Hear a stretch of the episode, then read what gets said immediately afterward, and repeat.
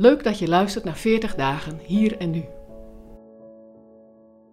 In de afgelopen weken stonden we stil bij de eerste vier levenslessen. Daarbij was de blik vooral naar buiten gericht. De komende weken maken we een beweging naar binnen. Zo staan we deze week stil bij twee levenslessen leren en bidden. En we denken na over de plek daarvan in jouw relatie met God.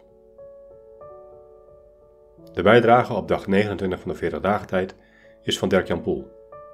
En vandaag gaat het over hoe de Bijbel je helpen kan als je Jezus wilt leren volgen. Wat is uw enige troost in leven en sterven?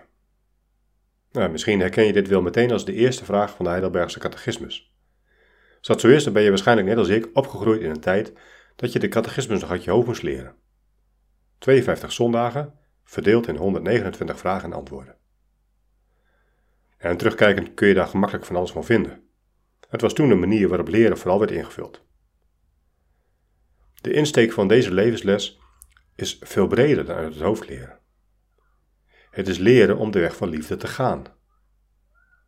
Kijk, als je wil leren koken heb je een kookboek nodig. Maar je wordt echter geen goede kok door er alleen in te lezen. Ook niet door recepten uit je hoofd te leren en te omschrijven hoe heerlijk bepaalde recepten smaken. Koken leer je door te doen, met vallen en opstaan, door te proberen en te proeven. En daarbij begin je op jouw niveau. Je leert van de tips en de ervaringen van andere koks en na een tijdje kun je bepaalde gerechten zonder kookboek maken. Gelukkig zijn er altijd nieuwe recepten die je kunt leren koken.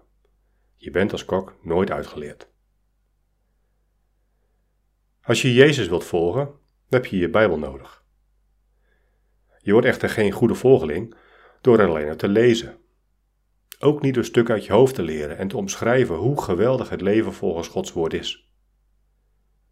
Jezus volgen leer je door te doen wat God in de Bijbel van je vraagt.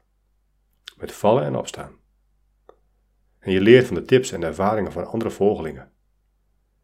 En na een tijdje zijn bepaalde aspecten van het volgen van Jezus bij jou gaan horen. Gelukkig zijn er altijd nieuwe aspecten in het volgen van Jezus die je mag leren. Je bent als volgeling van Jezus nooit uitgeleerd. De Bijbel is natuurlijk veel meer dan een kookboek met recepten voor een christelijk leven. Volgens de Hebreeënbrief is Gods woord levend en krachtig. Vertrouw er daarom op dat het je vormt, zodat je steeds meer de mindset van Jezus zal ontwikkelen. We begonnen de podcast met de vraag: Wat is uw enige troost in leven en sterven? En het antwoord op die vraag eindigt met: Hij maakt mij van harte bereid om voortaan voor Hem te leven. Kijk, dat mag je leren, steeds weer. Want als volgeling van Jezus ben je nooit uitgeleerd.